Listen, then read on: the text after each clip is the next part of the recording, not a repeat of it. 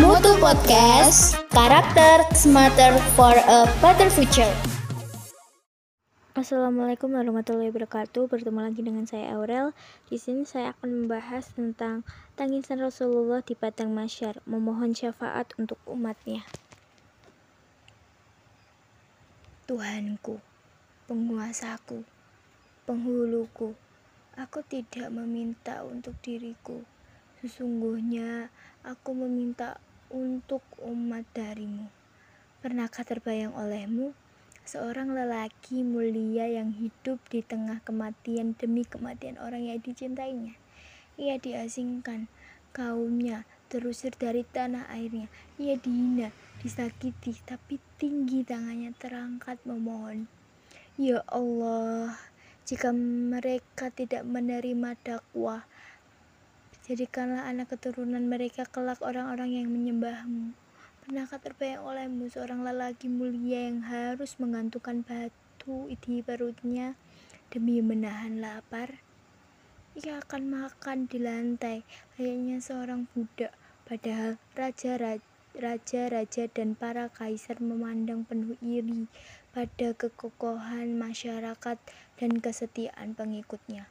Ia lelaki mulia itu, Muhammad bin Abdullah Rasulullah Shallallahu Alaihi Wasallam. Pernah suatu ketika beliau Shallallahu Alaihi Wasallam bersabda, setiap nabi memiliki satu doa yang tidak akan tertolak dan aku menyimpannya untuk umatku di padang masyar nanti. Duhai, betapa ia begitu mencintai umatnya, kita, bahkan saat sedang menahan dahsyatnya sakaratul maut yang ia khawatirkan hanya umatnya. Disebutkan dalam sebuah hadis dari Abbas radhiyallahu anhu bahwa Rasulullah shallallahu alaihi wasallam bersabda, Orang yang pertama kali dibangkitkan dari kubur di hari kiamat nanti adalah Nabi Muhammad Sallallahu Alaihi Wasallam. Jibril akan datang padanya dengan membawa burak. Israel datang membawa bendera dan mahkota. Israel datang dengan membawa pakaian-pakaian surga.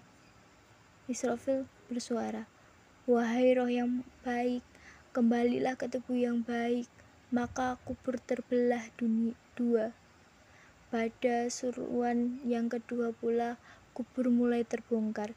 Pada seruan yang ketiga, Rasulullah berdiri, beliau membuang tanah di atas kepala dan janggutnya. Beliau melihat kanan kiri di dapati tiada lagi bangunan. Rasulullah Shallallahu Alaihi Wasallam menangis sehingga mengalir air matanya ke pipi. Beliau Shallallahu Alaihi Wasallam bersabda, kekasihku Jibril, gembirakanlah aku. Jibril berkata, lihatlah apa yang ada di hadapanmu. Rasulullah Shallallahu Alaihi Wasallam bersabda, bukan seperti itu pertanyaanku. Jibril kembali berkata, Adakah kau tidak melihat bendera kepujian terpasang di atasnya?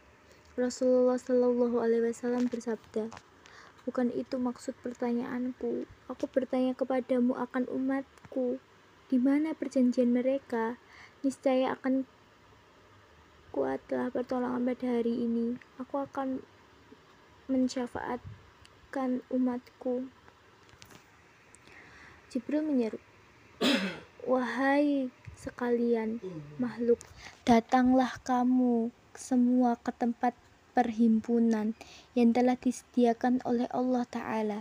Umat-umat datang dalam keadaan satu-satu kumpulan. Setiap kali Nabi Muhammad Sallallahu Alaihi Wasallam berjumpa satu umat, beliau Sallallahu Alaihi Wasallam akan bertanya, di mana umatku?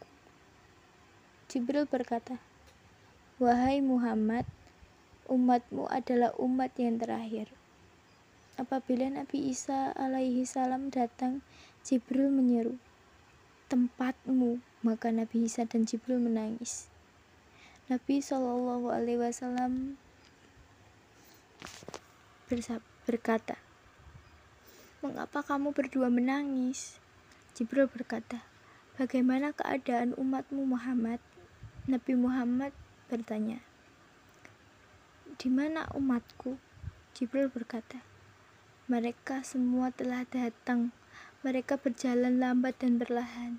Saat mendengar cerita demikian, Nabi Muhammad SAW menangis, lalu bertanya, "Wahai Jibril, bagaimana keadaan umatku yang berbuat dosa?" Jibril menjawab, "Lihatlah mereka, wahai Muhammad SAW." Nabi Muhammad Shallallahu Alaihi Wasallam bertemu umatnya yang berdosa. Mereka menangis serta memikul beban di atas belakang mereka sambil menyeru, "Wahai Muhammad!" Nabi Muhammad bersabda, "Wahai umatku!" Mereka berkumpul di, di sisinya sambil menangis. Allah Ta'ala berfirman di dalam keadaan dia